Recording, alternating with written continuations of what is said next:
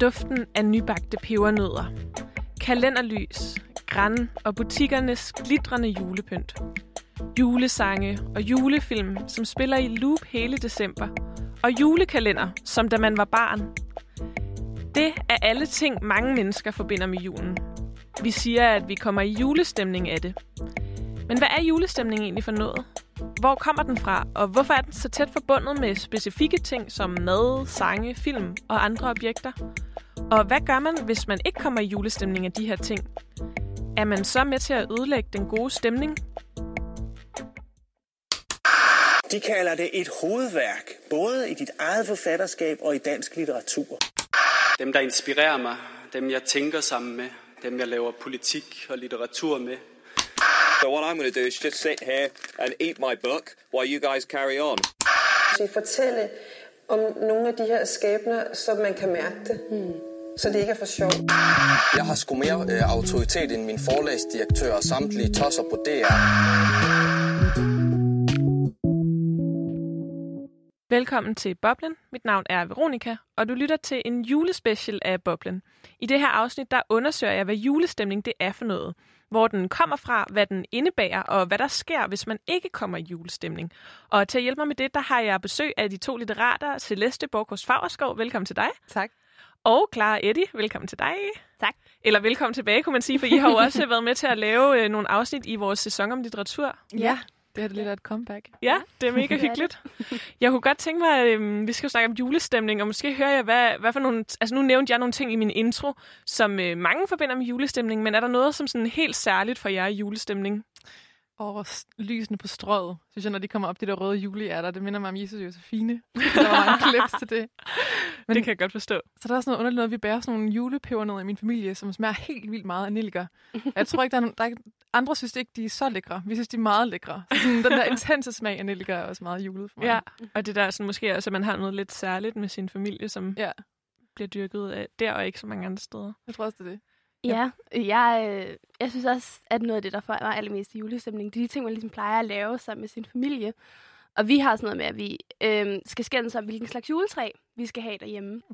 øhm, og min mor og far kan aldrig rigtig blive enige, og så er det sådan noget med, at vi mailer, og så er vi egentlig alle sammen meget glade til sidst.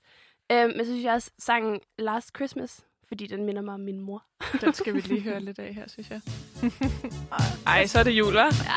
Åh, det må man sige. Ej, der findes sådan en leg, hvor det gælder om ikke at høre den her julesang i hele december, og vi har lige tabt. Ja, og den er jo også, altså nu skal jeg lige lidt ned, den er jo også, altså der er jo en fantastisk musikvideo til denne her, Ja. med snelandskab og 80'er skitøj og... Glittet julepynt og alt muligt. Altså for mig, jeg, jeg synes også, altså jeg tænker hver gang sådan, ej, hvor er det klichéagtigt, men den får mig også bare så meget julestemning. Jeg synes også, den er mindre irriterende end mange andre julesange. Mm. Altså rigtig mange, der hader lidt på, på denne her, Ja. og netop har den der kamp om at undgå den og sådan noget, men jeg synes bare, den er Jeg dejlig. synes, det er en fantastisk sang. Altså, det er objektivt set i mine øjne en god sang. Præcis. Det er helt deroppe. Ja, det er i hvert fald lige præcis det, der får mig i julestemning. Men hvad med dig, Celeste? Er noget musik, du synes er sådan særligt jule? Ja, jeg er sådan lidt, jeg er lidt mere crooner, det tror jeg. Jeg synes, den der It's beginning to look a lot like Christmas er virkelig indbegrebet. Det er som om, det handler også om alle de ting, som, altså, som er julet. Vi synes, at ting er julet, sådan pebernødder og græn og sådan. Man kan se jul, jul er sådan noget, der træder frem for vores blik på en meget sådan materiel måde. Ja, jeg synes lige, vi skal prøve at se, om ikke vi kan, kan få en udgave af den også her. Er det den her? Ja. Så er det bare jul. Det er, det. det er sådan helt eventyragtigt, det her.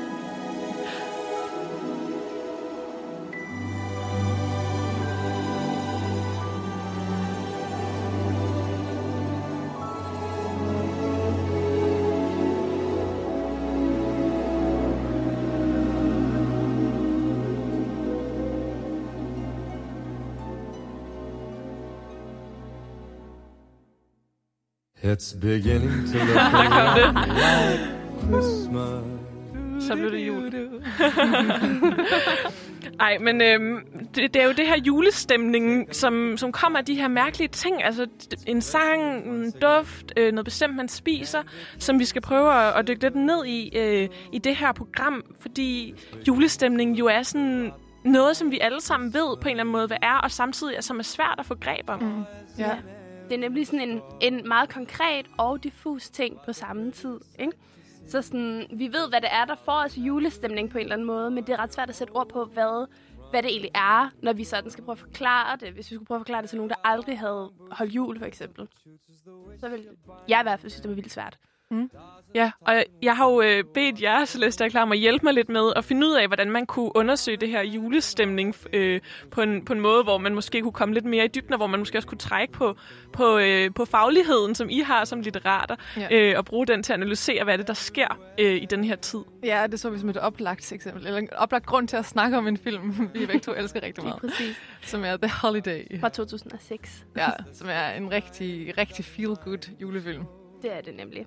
Men det er også et ret godt, øh, sådan en, en ret god film at analysere, hvis man gerne vil prøve at forstå julestemningen lidt nærmere. Altså sådan, det, det er fedt at tage udgangspunkt i noget, et kulturprodukt, hvis man gerne vil forstå, hvad det er, julestemning gør ved os, for at se på, hvordan det virker inde i den her film. Og det er sådan noget, vi gerne vil snakke om i dag. Ja, lige præcis. Det er sådan ikke at finde ud af, hvad det er, der giver os julestemning i, ude i verden, men på en eller anden måde også, hvad den gør ved os, når vi er i et rum sammen. Som følelsen af julestemning er for en følelse? Og jeg synes jo også, det var en fantastisk mulighed at få, øh, få lov til at, øh, at gense The Holiday som, øh, som research. Ja. øh, det var en dejlig, øh, en dejlig fredag aften, jeg havde med at gense den, som jo er sådan en lidt... Altså, der er jo Love Actually som den store julefilm, altså julefilmen over dem alle på en eller anden måde, som, øh, som man bare... Altså, som er fra 2001, så vidt jeg husker, og som, som øh, er sådan en øh, kavalkade af alle mulige forskellige skæbner, og The Holiday er måske ikke lige så stor som, øh, som den, men den er alligevel bygget op omkring nogle forskellige skæbner, som bliver flettet sammen, og den har det her sådan øh, julelandskab i England, i sådan en lille by, og, ja. og så, så har den så også den her sådan Los Angeles øh, øh, vibe, fordi at der er noget med nogen, der bytter, øh, bytter liv, mm. og det skal, vi, det skal vi gå mere ned i og lige have et recap af plottet, men, øh, men I har jo også, for at det ikke bare bliver os, der hyggesnakker om, øh, om en julefilm, så har I jo også øh, været, været ude og undersøge det lidt mere øh, fagligt og snakket med en forsker. Ja, vi har nemlig snakket med Måns Rosenbakker, som er lektor ved Københavns Universitet. Og han er en, der ved rigtig meget om følelser, og hvad følelser gør ved os. Han vil lige præsentere sig selv her. Jeg hedder Måns Bissenbakker, og jeg er kønsforsker, og jeg er lektor ved det, der hedder Center for Køn, Seksualitet og Forskellighed, som er en tilvalgsuddannelse, der ligger på øh, Københavns Universitet. Og jeg har forsket i øh, mange år i øh, køn og seksualitet, og de seneste 10 år har jeg så været interesseret i den måde, køn og seksualitet og andre former for identitetskategorier kan forstås i forhold til det, der hedder følelser eller affekter.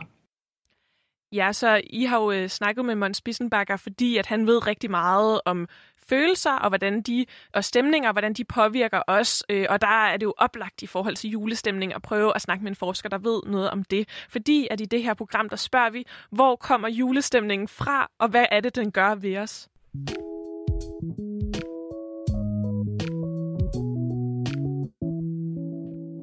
Det, jeg kan i hvert fald godt tænke, at det er forskelligt, hvad det er for nogle ting, der lige gør, at man kommer i julestemning. Det kan være en meget... Altså, er det ikke en meget individuel følelse? Hvordan skal man beskæftige sig med det sådan akademisk, forskningsmæssigt? Jo, det er da også et stort problem, eller det er da i hvert fald noget, som folk har snakket meget om inden for den øh, akademiske retning, der hedder affektteori. Hvordan i alverden kan man undersøge noget akademisk, som er så sådan fluffy eller så sådan svært definerbart som følelser? Og det, man gør inden for den affektteoretiske retning, som er øh, en retning, som har fået særligt stor opmærksomhed i kulturteorien og også litter- i litteraturvidenskaben inden for de sidste år, øhm, det er, at man ser på følelser som om, at de var noget, der var kollektivt, noget, der er noget, vi deler mellem os, noget, der ikke kun kommer ind fra individet øh, selv, men er noget, som, som opererer ude i samfundet, som på en eller anden måde strukturerer, hvordan vi tænker om forskellige ting, og hvordan vi agerer med hinanden. Altså følelser som sådan en, en intermenneskelig ting, og ikke sådan en, en ting, der kommer ind fra individet selv. Og det er her, hvor man begynder at snakke i nogle grene af affektteorien om affekt i stedet for følelser. Det er for at blandt andet at kunne betone sådan, den kollektive tilgang til følelserne. Følelserne som noget kollektivt. Jeg har også kunne forstå dem lidt som sådan stemninger, der kan være i et rum, eller som kan gøre, at man har lyst til at agere, eller man agerer på en bestemt måde. Ikke? Og det er jo ikke kun ja. julestemninger, det, det er jo mange andre stemninger, eller mange andre rum, man også kan indtræde i, hvor at der er en, en affekt, øhm, eller en affektiv fornemmelse. Ja, og der er sådan en stor forskel på inden for affektteorien, om man kan, hvad man synes, at affekt er. Mm. Nogle synes, at affekt og følelse er to sider lidt af samme sag, og nogen ser affekt som noget, der kommer før følelse. Men i det her program, der vil vi forsøge at arbejde med affekt sådan mere som, som den kollektive udgave af følelser, kan man sige. Så, så der er det her, det her sådan forskningsfelt, som er opstået over de seneste år, øh, som også er kommet til, øh, til Danmark, og som også bliver brugt øh, inden for forskningen her, som, som hedder effektteori, og som mm. beskæftiger sig med på en eller anden måde de kollektive sider af, af følelser, hvordan de påvirker vores samfund og den måde, vi er sammen mm. på. Og, og det er jo vildt relevant, når man skal se på julestemning. Ja, det er jo en følelse, som vi alle sammen på en eller anden måde tager del i. Hvad end vi er imod den, eller om vi går hele hjertet ind i den. Så vi er på en eller anden måde alle sammen en del af den. Og øhm, Mons, han har også øh, fortalt os lidt mere om, hvad effektteori er. Kommer her. Så man hele den der interesse for, hvad følelser og effekt er for noget, er jo sådan set en interesse, der har været lige så længe, som der har været øh, universiteter. Det er egentlig noget, som man har undersøgt på alle mulige forskellige måder inden for alle mulige forskellige kontekster. Men lige præcis det felt, som jeg er interesseret i, og de sidste sådan til 15 år, er øh, det område, som hedder køns- og queer-studier. Og inden for det, der kan man sige, at det, der har gjort følelser interessante for folk, der er interesseret i sådan noget som køn og seksualitet, det er den måde, hvorpå følelser kan ses som noget, der er... Øh, altså, vi tænker jo typisk på følelser som noget privat og noget intimt, og det, det er de sikkert også, men det, som effektteori er interesseret i, det er, at følelser også kan ses som noget kollektivt, som noget fælles på mange måder. Så man kan sige, at effektteori er sådan et samlebegreb for nogle forskellige retninger, der er blevet interesseret i at kigge på og undersøge effekter som del af det sociale liv og del som, som del af det, det mere kollektive liv. Og den måde, vi, vi tænker følelser på, den måde, vi har nogle forskellige forventninger til, hvad følelser skal være og skal betyde, og hvordan de, de strukturerer vores øh, sociale sammenhæng og samfund. Ja, og Måns Bissenbakker, han er jo også forsker i kønsforskning. Og der er en grund til, at effektteorien er så spændende for kønsforskere. Det er jo netop fordi, at det, som effektteori gerne vil se på, er, hvordan følelser øh, går ind og påvirker andre kategorier, end bare følelserne i sig selv. Det er også det, man gør, når man læser noget effektteoretisk. Så ser man, hvordan følelserne spiller ind på andre kategorier, som for eksempel køn eller seksualitet. Og på den måde er følelser altid en del af en kulturel kontekst, og også på en eller anden måde en politisk kontekst. Og man kan jo også sige, altså med, med, nu, nu ser vi på julestemningen i det her program, og julestemning er jo noget, som virkelig er, altså, bliver forventet af os også, og som også er noget meget øh, fælles, og noget, som på en eller anden måde, man kan ikke rigtig undgå julestemningen. Mm-hmm. Man kan godt undgå måske at føle den inde i sig, men kollektivt, der er det svært at sådan slippe ud af den, ikke? For jo. den er i butikkerne, og på gaderne, og i radioen, og på tv'et, og når du møder dine venner, når du møder din familie, det er det, det handler om. Lige ja. præcis. Ja, og det er jo det, der også gør det ret interessant måske at undersøge, hvordan det er, at de her effekter eller følelser på en eller anden måde kan spille sammen og arbejde og være med til sådan at strukturere den måde, vi, vi handler på eller er på. På altså, julen for eksempel, kan man sige her, men også bare sådan generelt set. Ja, man sådan siger lidt også om, hvordan man så går ind og arbejder med effekter, fordi det er sådan lidt også en kategori, man skal sætte sammen med nogle andre ting, før det giver mening. Kommer dit klip det er ikke som sådan nødvendigvis sådan, at man sætter sig ned og er interesseret i at undersøge følelser som passé, altså bare i sig selv, men, men at øh, de analyser, vi allerede laver, begynder at medreflektere, hvordan følelser og vores forventninger til følelser har en betydning for, hvordan for eksempel køn eller seksualitet eller racialitet eller andre ting bliver struktureret. Øhm, og noget af det, man så kan være interesseret i, når man undersøger det, det er sådan noget som, hvordan, øh, hvordan følelser øh, strukturerer vores forventninger til hinanden og strukturerer og organiserer samfundet. Det kunne være idealer om kærlighed for eksempel, eller det kunne være idealet om, om julehygge eller noget andet, som hele samfundet øh, organiserer sig af. Ja, Monsen snakker for eksempel om det her med, at julehygge øh, strukturerer hele vores samfund og sådan sætter rammer for, hvordan vi agerer.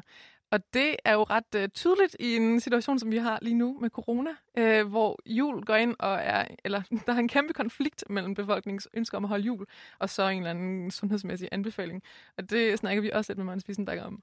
Det er jo oplagt at snakke om julen nu, når vi er i julemåneden, og det er jo oplagt at snakke om det her med, hvordan kærligheden eller julestemningen for eksempel øh, organiserer vores øh, idé om, hvordan vi skal være sammen. Altså man kan for eksempel tænke på sådan tilfælde nu, hvor vi har sådan en situation, hvor, hvor vi med glæde sætter hele folkesundheden på spil, fordi vi altså alle sammen skal hjem til jul, eller vi skal i kirke, eller vi skal et eller andet. Det er umiddelbart, når man tænker den kalkyle, altså folkesundhed over for julestemning, så vil man ikke regne med, at det var julestemningen, der vandt, men det er det faktisk, ser det ud til. Så på den måde kan man sige, at, at vores forventninger til, hvad følelser kan gøre for os, og hvordan de organiserer samfundet, og hvordan de organiserer os selv og vores identiteter i forhold til hinanden, umiddelbart er meget stærkere. I virkeligheden så er de her følelser måske noget, noget, øh, noget meget væsentligt noget, vi bliver organiseret igennem.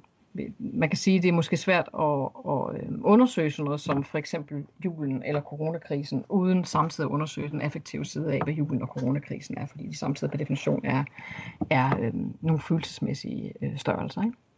Altså det vi ser ved at sammenstille jul og corona, det er jo, at følelser eller effekter og den måde, de strukturerer os på, er enormt stærke. Og definere, hvordan vi forholder os til ting. Og corona bliver pludselig meget værre, fordi vi ikke kan komme hjem til jul.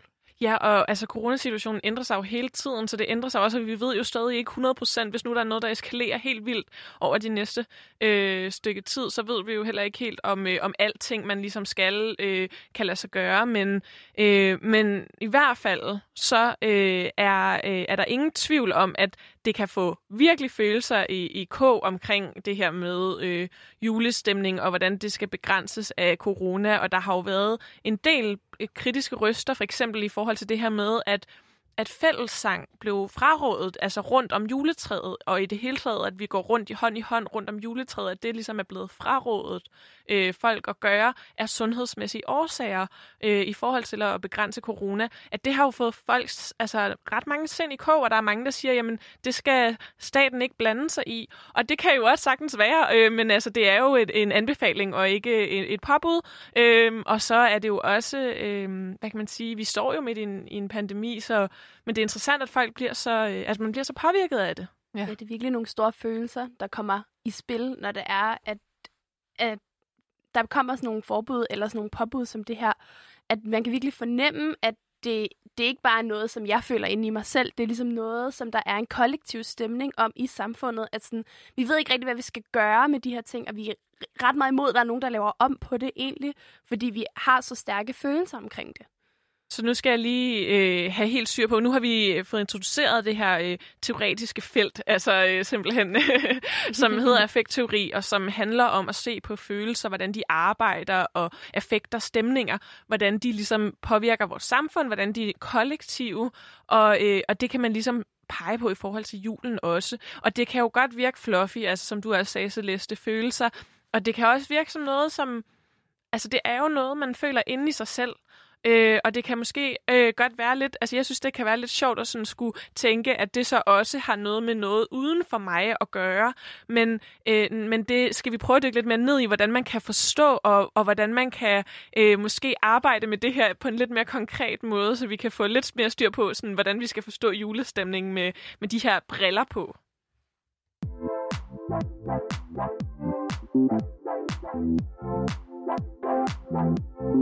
Du lytter til Boblen julespecial, hvor jeg, Veronika, sammen med de to litterater, Clara og Celeste, i dag undersøger, hvad det vil sige at komme i julestemning. Og vi har netop hørt fra kønsforsker og lektor Måns Bissenbakker om, hvordan følelser i nyere forskning er begyndt at blive anset som noget, der ikke blot er knyttet til individet, altså noget jeg føler, men også må forstås som noget kollektivt, og som noget, som påvirker vores samfund og de ting, som vi fælles styrker i samfundet. Og det må man sige, det er en relevant tilgang, når det kommer til julestemning, som jo om noget er en øh, følelse, der kan forstås som værende kollektiv. Altså hele landet, store dele af verden faktisk, dyrker jo julestemningen i december. Og det handler især om at dyrke bestemte sange, film, madretter, og om at gøre forskellige sådan rituelle ting. For eksempel at tænde et kalenderlys hver dag. I december der målretter vi en stor del af vores liv mod julestemningen, og de ting, som vi mener skaber julestemning, det er dem, vi fokuserer på, når vi har fri og når vi er sammen med vores familie. De trænger ligesom i forgrunden. Men spørgsmålet er, hvad der så må træde i baggrunden, øh, når julestemningen den skal indtræde. Og, og for ligesom at kunne dykke lidt ned i det, og hvordan julestemningen den sådan påvirker os og arbejder, der har I, Clara Celeste, set nærmere på øh, en øh, moderne klassiker af en julefilm, nemlig øh, The Holiday fra 2006. Det har vi nemlig. Øhm, ja, for jer, der ikke har set The Holiday, så jeg anbefaler altså at gå hjem og se den selvfølgelig. Øhm, men jeg vil også lige hurtigt opsummere, hvad det er, den handler om. Øhm, og den handler om de her to kvinder, der hedder Iris og Amanda, som bliver spillet af henholdsvis Kate Winslet og Cameron Diaz, som begge to er blevet forladt af deres kærester, eller af de mænd, som de har været involveret med på en eller anden måde. Og så øh, skriver de til hinanden for at bytte hus på sådan en øh, husbytte hjemmeside øh, fordi de begge to lidt gerne vil slippe væk fra der, hvor de plejer at være. Ja, og jeg synes lige, vi skal høre et, øh, et klip med, øh, med, med noget af traileren til den her film, så kan man lige få en fornemmelse af, hvad det er, øh, hvad det er for en stemning, der er i den her film. Iris and Amanda are in exactly the same place. Where do I want to go? By myself? Depressed at Christmas. Just 6,000 miles apart. Home exchange. We switch houses, cars, everything. Bingo. I need you to answer this. Are there any men in your town? Perfect. We're on our way to New I'm here. I'm here. As one door closes, That'll be interesting. another one opens. Oh, Hi. Hello, I'm Miles. I'm Graham. Iris' brother. Do you want some company? Yeah, love some. Excuse me? Okay, sorry about that. Ja, som I så måske kan fornemme på det her klip, så, så er det ikke sådan, at de bare lige slipper væk fra de her steder, som de plejer at være så nemt, eller de kommer i hvert fald til at møde nogle nye spændende ting, nogle nye spændende mænd, der hvor de så øhm, ender hen, henholdsvis i England, øh, sådan countryside England, eller så i LA, ikke? Og altså, øhm, den, her, øh, den her film, den handler jo om nogen, som er, øh, som er ensomme, øh, fordi de på en eller anden måde enten er blevet forladt, eller har, har droppet nogen, men i hvert fald er det gået op for dem, at de ikke har nogen øh, partner, som elsker dem. Øh, en, øh, en, en mand, øh, som, som elsker dem, og som på en eller anden måde, som, som kan danne ramme om den her julestemning. Og, øh, og jeg synes lige, vi skal, vi skal lige høre et øh, klip fra, øh, fra filmen, hvor at den ene af de her to øh, primære øh, karakterer, hende, der hedder Amanda, hun, øh, hun beskriver sin egen situation. Det kommer lige her. So, why is it you aren't um, quite yourself at the moment? Uh, well, I, um, I just broke up with someone yesterday. Ah. And I guess what I was feeling was that I didn't want to be alone over the holidays, and I thought that if I was somewhere else that I wouldn't realize that I was alone. But then I got here and I've never felt more alone in my life. Big surprise. Bet you're glad you knocked on this door. I am, actually. Yeah. Well. Sorry and uh good night. Sweet dreams.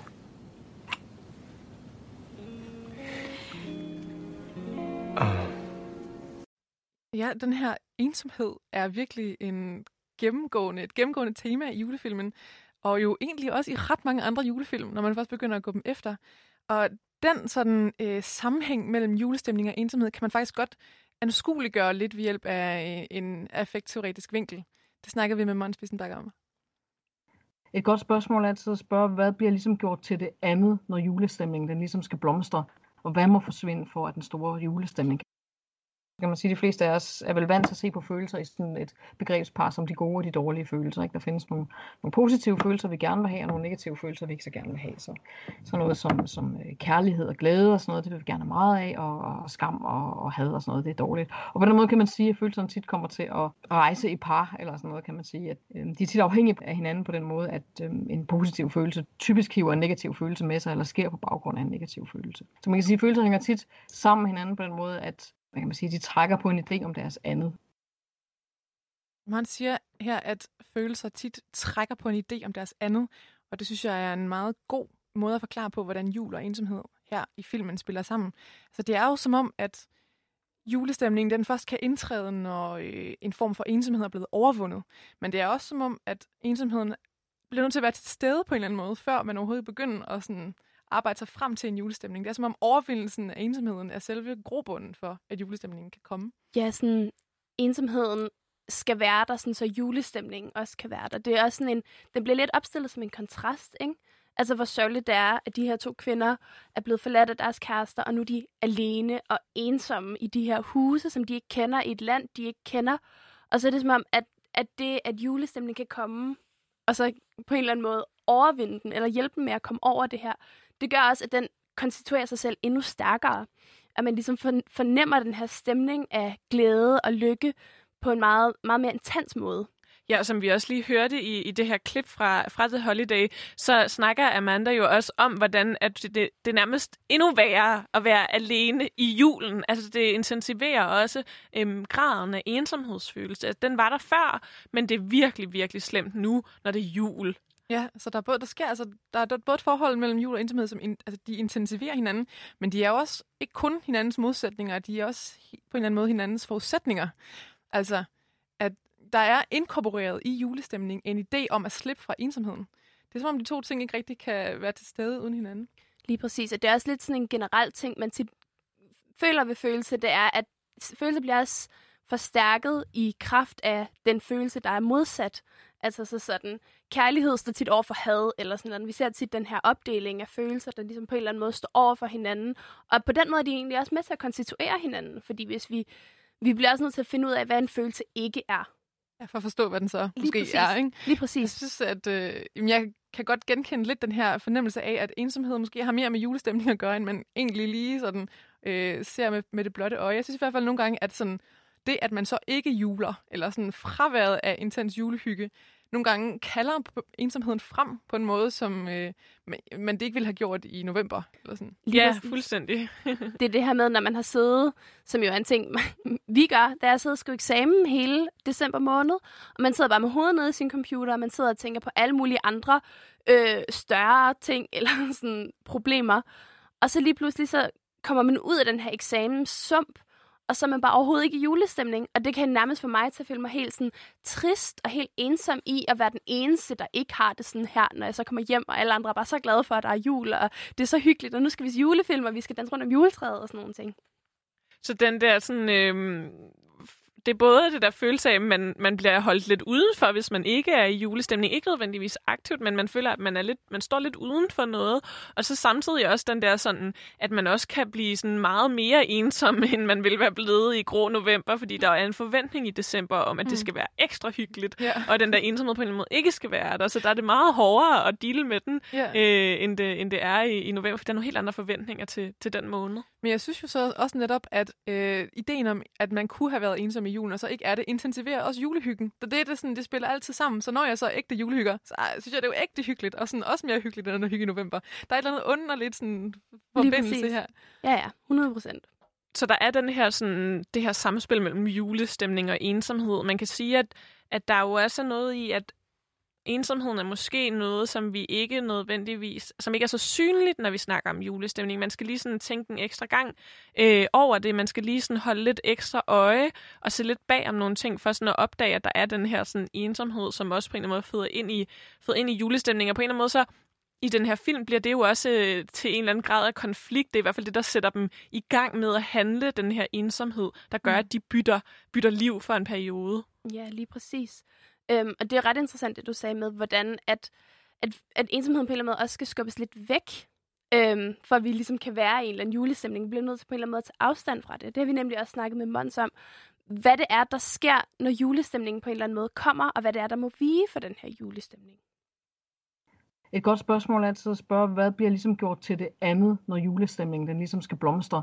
Og hvad må forsvinde for, at den store julestemning kan brede sig? Og hvad sker der med alt det, der forsvinder? Hvor går det hen? For det, det skal jo forsvinde et sted hen. Hvad må offres for, at julestemningen kan blive en stemning og blive intens og, og være der? Og hvem, hvem forsvinder væk?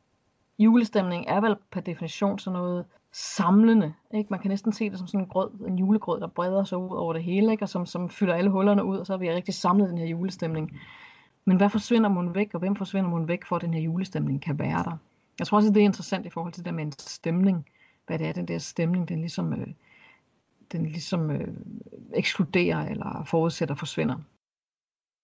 Ja, det Mons han snakker om her, det er jo det her med at undersøge, når julestemningen er her, hvad er det så, der ikke er her? Og vi snakkede jo lige før om ensomhed, og det er jo også på en eller anden måde sådan en, en idé om, at når vi er julestemning, så har vi ikke den her ensomhed, fordi julen tit symboliserer familie, eller det betyder familie, det betyder samvær og sådan nogle ting. Så det er ret interessant ligesom at undersøge, hvad det er, julestemningen kan ekskludere fra et rum eller fra et fællesskab, for eksempel. Og øh, det er også ret interessant at kigge på i forhold til The Holiday, fordi at der er det her kærlighedsforhold i The Holiday, som er mellem Graham og Amanda, øhm, som ikke rigtig virker, som om det kan lade sig gøre, fordi at Amanda, hun er en, en forretningskvinde for LA, og hun har sit eget firma i LA, som bare kører på højtryk, og Graham, han er alenefar med to børn, lige uden for London. Øhm, og det er ligesom blevet enige om, det kan ikke fungere, så Amanda, hun må tage hjem til LA for at fortsætte med sin karriere, indtil hun begynder at græde i bilen på vej, på vej væk fra det her hus, hvor Graham plejede at bo. Og der er det ret essentielt at vide, at en ting, der bliver sådan konstrueret i den her film, det er, at hun, at hun har svært ved at græde. Hun kan simpelthen ikke, hun er ikke i kontakt med sine følelser indtil det her øjeblik, Lige hvor hun præcis. pludselig får tårer i øjnene. Lige præcis. Og så blev hun nødt til at vende bilen om og, og spurte tilbage, altså virkelig i høje hæle og det hele gennem sneen, hen for at ringe på på det der hus og finde Graham og sige, jeg kan være her til nytår også. Altså, og så virker det som om, at hele den her film bare har sin forløsning i det her øjeblik. Ja, så den ender faktisk et sted, hvor det hele er ret lykkeligt, og hvor vi ser sådan, øh, øh, i filmen, der ser vi sådan øh, den her øh, lille sammenbragte familie nu øh, med, øh, med Grahams to børn og, og Amanda, og så kommer øh, hende, hun har skiftet lejlighed med også hjem og er med sammen med den kæreste, hun har fundet, øh, og, og vi ser dem sådan, vi gennem vinduet, ser vi dem sådan danse rundt og fejre nytår, og vi har lidt klip med, hvor vi kan få lidt af den her stemning af sådan happy ending i, øh, i den her film. Det kommer her.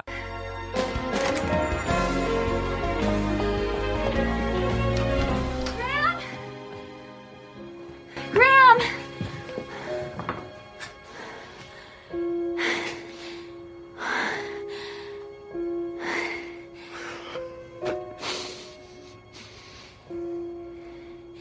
You know, I was just thinking.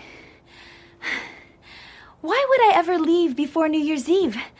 That makes no sense at all. I mean, you didn't exactly ask me out, but. You did say you loved me.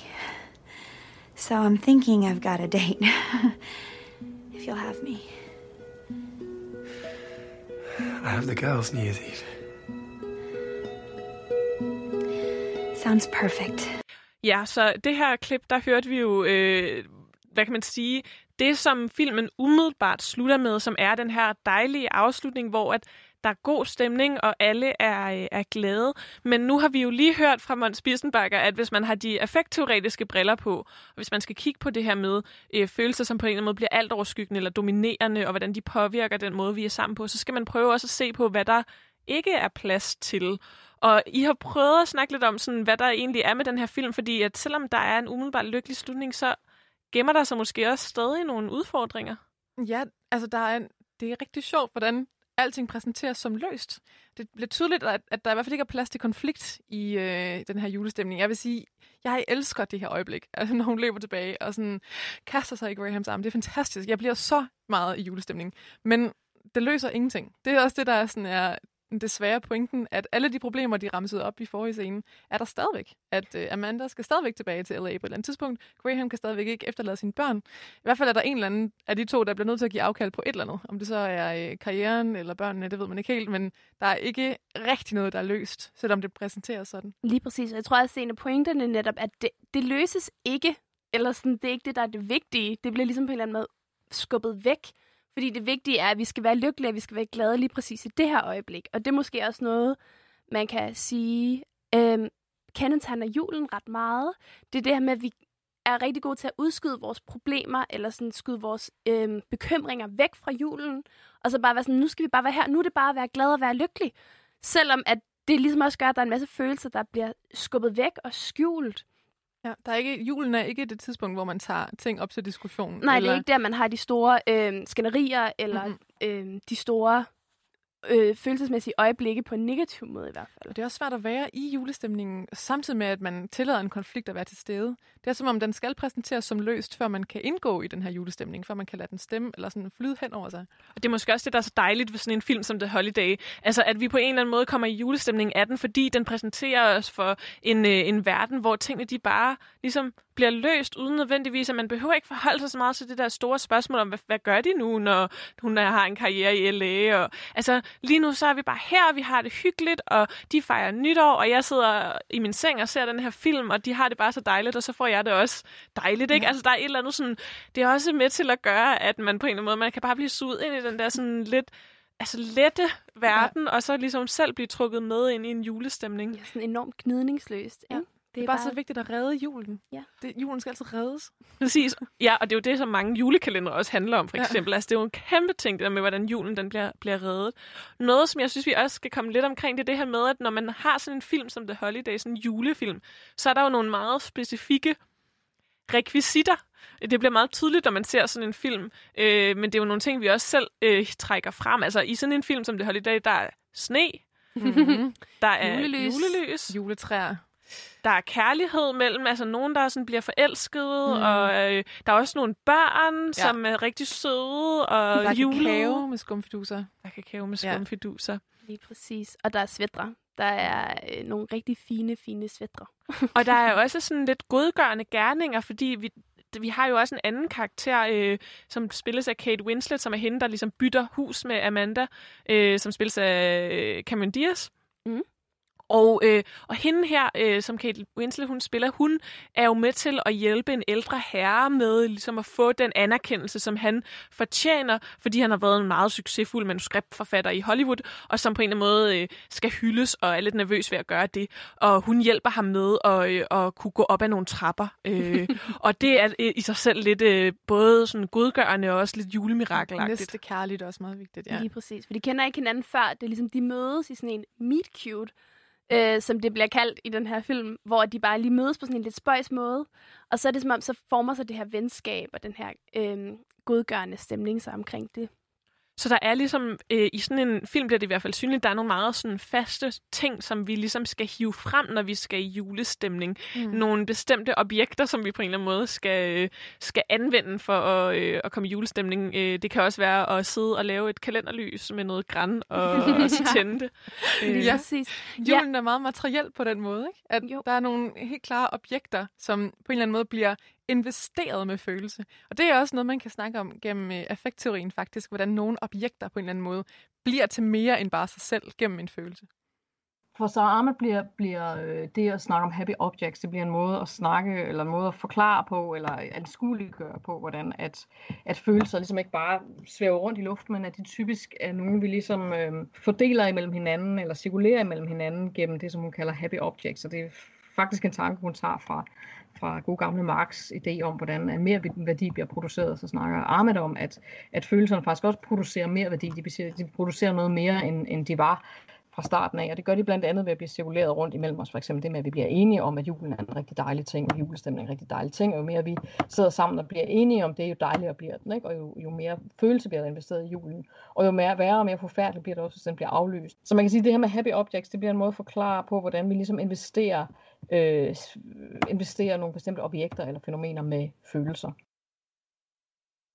Måns Bissenbakker, han udlægger her en teoretiker, der hedder Sarah Ahmeds begreb om happy objects, og Sarah Ahmed er en meget indflydelsesrig affektteoretiker, øhm, som vi også vil komme tilbage til senere i programmet. Men øh, det her med happy objects, det er en måde at, øh, for, ja, som, som øh, man så sagde, forklare, hvordan nogle ting, nogle objekter eller nogle begreber bliver sådan fordelt mellem os i samfundet, eller vi kaster sådan bolde frem og tilbage med de her objekter, hvor vi bliver enige om, at det er helt fantastisk. Og hver gang vi kaster bolde tilbage til hinanden, så bliver det ligesom mere og mere fantastisk.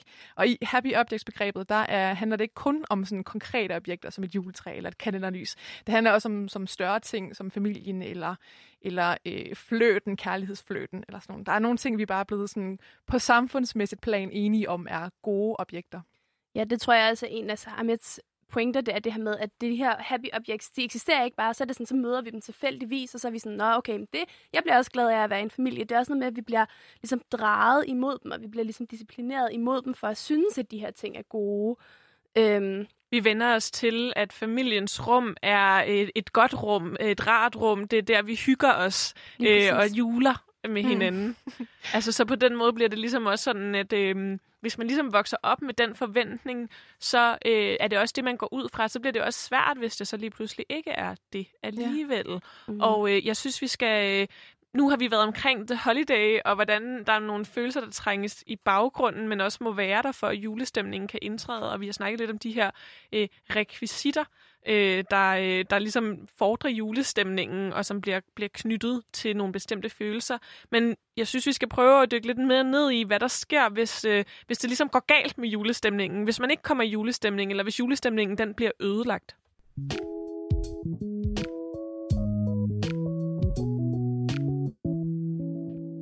Ja, fordi nu har vi hørt om det her med, at øh, der måske er noget, som bliver trængt i baggrunden, ved, for at julestemningen den kan, kan indtræde. Og vi har set nærmere på den her moderne juleklassiker af en film, nemlig The Holiday, hvor vi blandt andet kan se, at øh, konflikter og følelser som ensomhed, de trænges lidt i baggrunden, fordi julestemningen den skal have plads. Selvom det egentlig ikke nødvendigvis betyder, betyder at problemerne bliver løst eller ensomheden forsvinder. Øh, tværtimod er de måske med til at gøre det, at de bliver skubbet lidt væk, men at man ved, at de alligevel er der sådan underbevidst, er måske med til at gøre, at julestemningen føles endnu mere dejlig, fordi man ligesom kan slippe væk fra alle de her øh, problemer. Så de her ting, de bliver mindre synlige. Men spørgsmålet er, hvad der så sker, hvis man nu ikke har lyst til at være med til det. Hvis man ikke vil være med til at lægge låg på de svære følelser, eller fortrænge dem for at sikre den gode julestemning. Hvad så? Jamen, det er jo det, der lidt er spørgsmålet, og det har vi også snakket med Mons øh, om, og der introducerer han en anden altså Amets Ahmeds begreber, der nemlig hedder øh, Killjoy-figuren. Hvis man påpeger de dårlige følelser, der skal til for, at vi i hvilken som helst gruppe, man nu sidder i, at vi kan sidde og samles om en god følelse i den her gruppe, så bliver man hurtigt the feminist killjoy, eller den, som bliver den sure feminist, eller bare den, der ødelægger glæden eller stemningen for de andre ved at påpege. Der er måske også nogle andre stemninger, der er forudsætningen for, at den her stemning kan komme. Den her julestemning for eksempel kan komme og glatte alle de andre stemninger ud. Så Ahmed har den her figur som filmisk Killjoy for at forklare, hvordan man nogle gange bliver den her øh, inkarnation af den dårlige stemning, hvis man for eksempel ikke er villig til at holde gode miner til slet spil, for eksempel.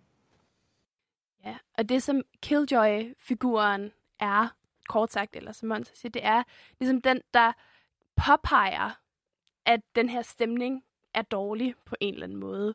Eller kan påpege nogle ting, som ikke nødvendigvis er til stede i det rum, som man nu sidder i. Som for eksempel vil være julebordet. Hvis man nu er den, der sidder rundt om julebordet, og man så ikke for eksempel gider at spise julemaden, fordi man ikke gider at spise kød, for eksempel, så kan man meget hurtigt blive sådan en killjoy-figur, fordi man på en eller anden måde ødelægger den gode stemning rundt om bordet. Så der kan ligesom blive kastet noget vrede eller sorg eller frustration over på en, fordi resten af familien måske er sådan skuffet over eller kede af, at man ikke vil det, så det bliver den person, som på en eller anden måde øh, reagerer på noget, som ikke nødvendigvis er det gode. Altså, der er jo også nogle klimamæssige hensyn i forhold til, hvad vi spiser, for eksempel. Og sådan nogle. Det er jo ikke entydigt godt at spise julemad. Mm-hmm. Men det bliver alligevel den person, som ikke vil spise julemaden, som bliver gjort til genstanden for problemet. Altså, så problemet kommer ligesom til at være knyttet til dem, selvom at det måske var der i forvejen. Ja, altså i den her særlige øh, julesituation, så bliver det jo heller ikke det at ikke at ville spise and, for eksempel, der er selve problemet. Det er det med ikke at ville deltage i julestemningen, der er problemet. Og det er derfor, man kan også godt, uden at ville det overhovedet, øh, komme til at indtræde i den her Killjoy-figur, hvis man øh, ikke sådan, øh, strømligner sig i juletraditionens ånd. Jeg synes lige, vi skal prøve at, øh, at høre en, øh, en, en julesang, som er lidt alternativ, og men trækker nogle af de sådan lidt mere øh, øh, kaotiske og frustrerende og bagsiderne ved julen frem, og det er øh, med Sys Bjerre, December. Den kommer lige her.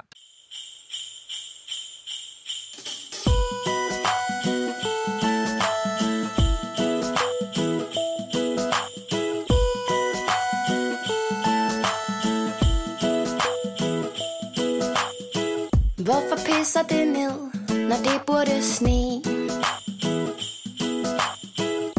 Min kat er blevet fed, hvad sker der for det? Last Christmas igen og igen. Jesus barnet og de tre vise mænd.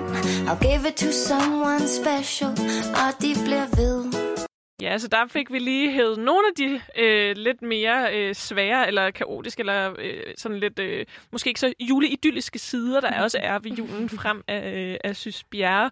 Yeah. Men vi har jo snakket om den her øh, Killjoy-figur, og øh, altså, der er jo mange måder, man kan, man kan komme til at gøre noget, som, øh, som af familien eller andre, man holder julen med, bliver opfattet som noget, der ødelægger den gode stemning. Jeg tænker på sådan noget som, altså der er mange unge, der siger fra over for for eksempel at ville have gaver eller give gaver, øh, og som jo også kan virke voldsomt øh, på nogen, fordi det er en meget essentiel del af, af julen.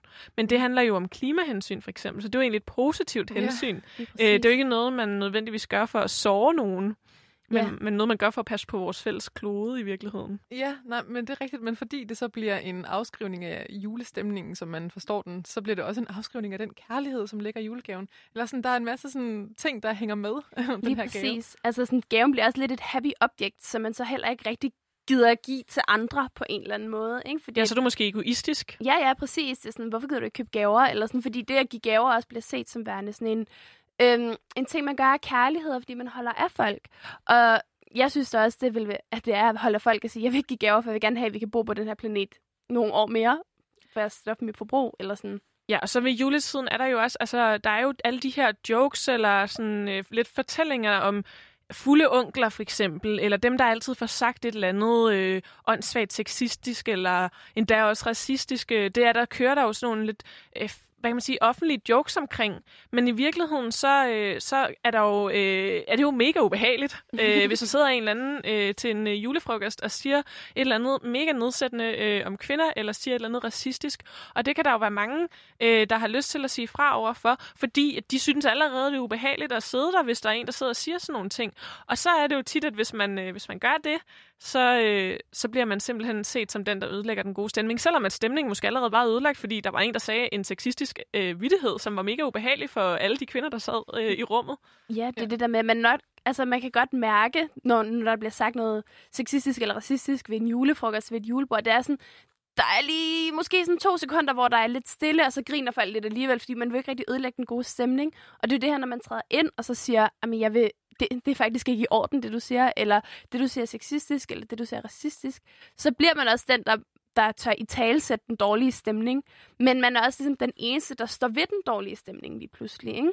Og måske er det også det, der er med, med julen, det her med, at øh, hele det foregår på en eller anden måde, den her familiestruktur, som altså, hvor vi alle sammen skal være med til at hjælpe til, at det bliver ligesom vi har lært, at det skal være. Mm, yeah. Altså det her yeah. hyggelige rum, som vi har lært, at familien er, skal vi gøre alt vores bedste for ligesom at nærmest lade som om, at det bliver ved med at være, eller det hele tiden er dejligt at være der. Ja, altså skabe øh, den her sådan, der er jo der er en familie, der er mere julet end de andre familier. Og det, det, det er den heteroseksuelle familie. Det er meget den, der bliver præsenteret som øh, den julefamilie, som det julede happy object, øh, familiens happy object, som vi bliver altså på en måde disciplineret på en, altså gennem kulturprodukter som The Holiday, øh, til at anse som den rigtige familie.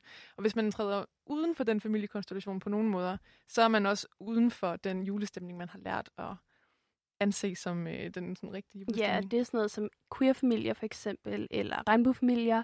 Det er skilsmissefamilier også, altså som er noget, som rigtig mange står med også, hvor at, at der kan julen jo også være en rigtig anstrengt tid, fordi man godt ved, der er et eller andet i julen, som vi ikke rigtig helt kan opnå, fordi at vi kan ikke holde den her øh, gode familiejul, hvor vi sidder far, mor og børn på samme måde, som vi bliver lært af en god måde at holde den på, for eksempel. Ja, så kan der jo også være, altså der er jo også store forskellige holdninger til, hvordan vi skal være, og der bliver diskuteret rigtig mange ting også i offentligheden om, hvem, man, hvem der må være hvad, og have hvad for noget tøj på, og alle sådan nogle ting. Og øh, der er jo også situationer, hvor at man, øh, man simpelthen øh, kan, være, kan blive anset for at være en provokation i sig selv. Altså hvis ens øh, lidt familie ikke nødvendigvis øh, opfatter øh, en for, øh, sådan, føler, at den person, man er, øh, passer ind i deres idé om, hvem man, man bør være. Altså så, så det behøver ikke engang nødvendigvis være, at man siger eller gør noget. Det kan også være, at man at man simpelthen bare ikke passer ind i de forventninger, der er øh, til, hvordan man skal se ud, for eksempel, når man kommer, kommer hjem til, til jul. Eller det kan være, at man ikke har lyst til at holde jul med sin familie.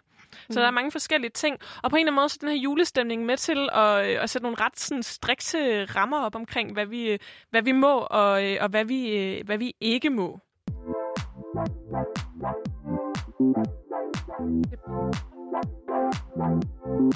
Du lytter til Boblen julespecial, hvor jeg, Veronika, sammen med de to litterater, Clara og Celeste, i dag undersøger, hvad det vil sige at komme i julestemning. Vi har talt med kønsforsker og lektor Måns Bissenbakker om, hvordan følelser i nyere forskning er begyndt at blive anset som noget, som ikke blot er knyttet til individet, altså noget, som jeg føler, men også noget, som vi må forstå kollektivt, noget, der påvirker vores samfund og de ting, som vi fælles styrker. Og vi har set på, hvordan det i den grad gælder julestemningen, som, øh, som virkelig er en, øh, en form for kollektiv følelse eller, eller tilstand. Og vi har talt om, hvordan julestemningen den er så altomsluttende en følelse, eller i hvert fald, at der er en forventning om, at den skal være det, at den trænger mange andre følelser i baggrunden, også selvom de måske stadig er der, og faktisk måske endda er nødvendige for, at vi kan komme i julestemning. Vi har talt om julefilmen The Holiday, der blandt andet behandler spørgsmål om ensomhed i julen. Og så har vi været forbi Killjoy-figuren. Det her med, at man kan risikere at blive set som den, der ødelægger den gode stemning, hvis man nu ikke helt kan gå med på alt ved julestemningen, eller måske bare fordi man, øh, man simpelthen øh, ikke lige passer ind i de forventninger, der er til, hvordan, øh, hvordan en jule, juleaften skal være i en kernefamilie for eksempel. Vi skal prøve at samle lidt op på de her forskellige tråde, vi har været omkring. Og øh, altså, hvad tænker I sådan nu, Clara og Celeste, omkring julestemning, nu hvor vi har været sådan lidt rundt og øh, kigge på det mere, øh, hvad kan man sige, med nogle øh, affektteoretiske briller? Jeg føler, jeg er blevet øh, endnu mere bevidst om, hvor utrolig stærk en følelse julestemning er, eller hvor utrolig stærk en kraft det er i vores samfund, i hvert fald i en måneds tid. Og måske endda også mere end bare den her ene måned. Måske er der også nogle ting i julestemningen, som øh, strukturerer, hvordan vi tænker om for eksempel sådan familien, eller sne, eller græn i resten af året. Altså julestemning er bare en stor instans. Det er på en eller anden måde sådan en følelsesmæssig blok, vi bliver nødt til at forholde os til. Ja, det er det. Jeg synes, der er en, en queer-teoretiker, der hedder Eve Sedgwick, der har sådan ret fedt julecitat, øhm, som lyder noget af det her. Øhm, det er det triste ved julen, er det ikke? Det er det er den tid, hvor alle institutioner snakker med én stemme. Kirken siger, hvad kirken siger, men staten siger det samme, og vores handelssprog stemmer mere end øvrigt i. Og for medierne bliver alle spørgsmål et julespørgsmål. Altså, det er på en eller anden måde det, der gør julestemning allermest klart for mig. Det er det her, hvordan det er bare sådan en, en, en meget altoverskyggende, ensrettende kraft, øhm, som på en eller anden måde sker imellem os. Ikke? Altså en kollektiv ting, vi alle sammen indgår i, øhm, hvor alting ligesom bliver rettet mod de her værdier og de her objekter, der er i julen. Ja, og altså det her med, at altså, jeg kom til at tænke på, øh, i forbindelse med, at vi skulle lave det her afsnit, så blev jeg en lille, lille smule overvældet ved tanken om, hvor stor en del af verden, der bare lige nu, altså hvor mange mennesker det er, der på en eller anden måde insisterer på julestemningen øh, i de her, sådan, den her måned, december. Altså, hvor, hvor, hvordan det bare er, uanset hvor man nærmest øh, befinder sig, øh, i, i hvert fald i, i hele den vestlige verden, og også mange andre steder, altså så er øh, julen noget, der sådan bliver, bliver fejret på den ene og den anden måde, og som man i hvert fald ikke rigtig kan komme udenom, og uanset om du tænder for fjernsynet, tænder for radioen, eller går ned øh, på gaden, altså så, så lige en coronatid, hvor at det meste er lukket ned af landet, der fylder julestemningen alligevel, så det er sådan, altopslugende ja. følelse. Og det kan godt være lidt overvældende, synes jeg, når man sådan lige ja. tænker lidt mere over det. Mm. Det er umuligt at slippe væk. Og det, det er det. Det er det virkelig. Faktisk. Og det er måske også det, der gør, at jul kan være noget, som kan, kan være hårdt at være i os, altså, og også øh, kan på forskellige måder presse hinanden. Altså, jeg har, øh, siden jeg var øh, øh, ung teenager, haft en tradition øh, med at øh, tage ud og, øh, og drikke øl med, med nogle venner øh, juleaften. Øh, selvfølgelig i de her coronatider er det en lidt anden konstellation nu, men, men, altså, men det der med, sådan, fordi man lige skal have sådan en relief, og det er ikke nødvendigvis fordi, at man har haft en dårlig juleaften eller et eller andet, men det er fordi, man har brug for at komme ud af det der familierum. Mm. Det er præcis. Det er sådan en meget tung stemning, der kan være omkring mange ting. Altså man kan virkelig mærke, ikke bare sådan presset for at kunne være sammen med sin familie, som selvom det er rigtig dejligt, og jeg er rigtig glad for min familie, så kan det også være meget at skulle være så meget sammen med sin familie i så lang tid så er det også bare en, en yderligere fornemmelse, der kommer udefra også. Altså, det er ikke kun en stemning, der kommer i min familie. Det er ligesom også ideen om julen, der ligger sig henover, ikke? På en eller anden måde, som også kan være det, der kan være rigtig svært, hvis man nu føler sig en lille smule utilpas nogle gange i nogle af de her konstellationer. Ja, så når du er sammen med din familie, så er du ikke bare sammen med din familie, du er sammen med din familie i julen. Lige præcis. Ja. og samtidig så kan jul jo også være noget, som, altså vi snakkede om det i starten af det her program, altså der er de her sange, som er rare at høre, det kan være hyggeligt, altså julen er konfliktfyldt på mange måder, og også internt øh, i sig selv, eller hvad man skal sige, i forhold til mm. netop, hvordan man skal føle. Så de her følelser, der svæver rundt på en eller anden måde i samfundet og påvirker os alle sammen, de også øh, strider os lidt imod hinanden. Vi skal til at øh, runde af for det her program, julespecial af Boblen. Øh, Clara Celeste, har I sådan en ting, I synes, man skal tage med eller tænke videre over, efter det her program er færdigt? Jeg tror, at øh, det, jeg vil tænke over, jeg elsker jo jul. og det gør jeg stadigvæk. Og jeg, øh, det har jeg altid gjort, og jeg, det kommer jeg altid til. Og sådan, men jeg tror, jeg tror, at det, man kan få ud af at kigge på noget som jul med effektteoretiske briller, det er, at man kan blive opmærksom på de, nemlig, nemlig de indre modsætninger i julen. Og måske på den måde få det lidt bedre, når man så engang imellem faktisk synes, det er helt vildt hårdt. Og føler sig helt vildt ensom, eller noget ikke spiller. Så at vide, at det er en del af julen, at tingene ikke nødvendigvis spiller, og at der er, er alle de her konflikter. Jamen, der er Clara? Jamen, jeg tror meget i forlængelse af det, som Celeste siger, vil jeg tænke over, at, øhm, at det er altså ikke bare dig, det handler om, når det handler om julestemning. Det handler om, hvad vi alle sammen som et fællesskab, eller som et kollektiv, som et samfund, på en eller anden måde øhm, føler og retter os imod sammen.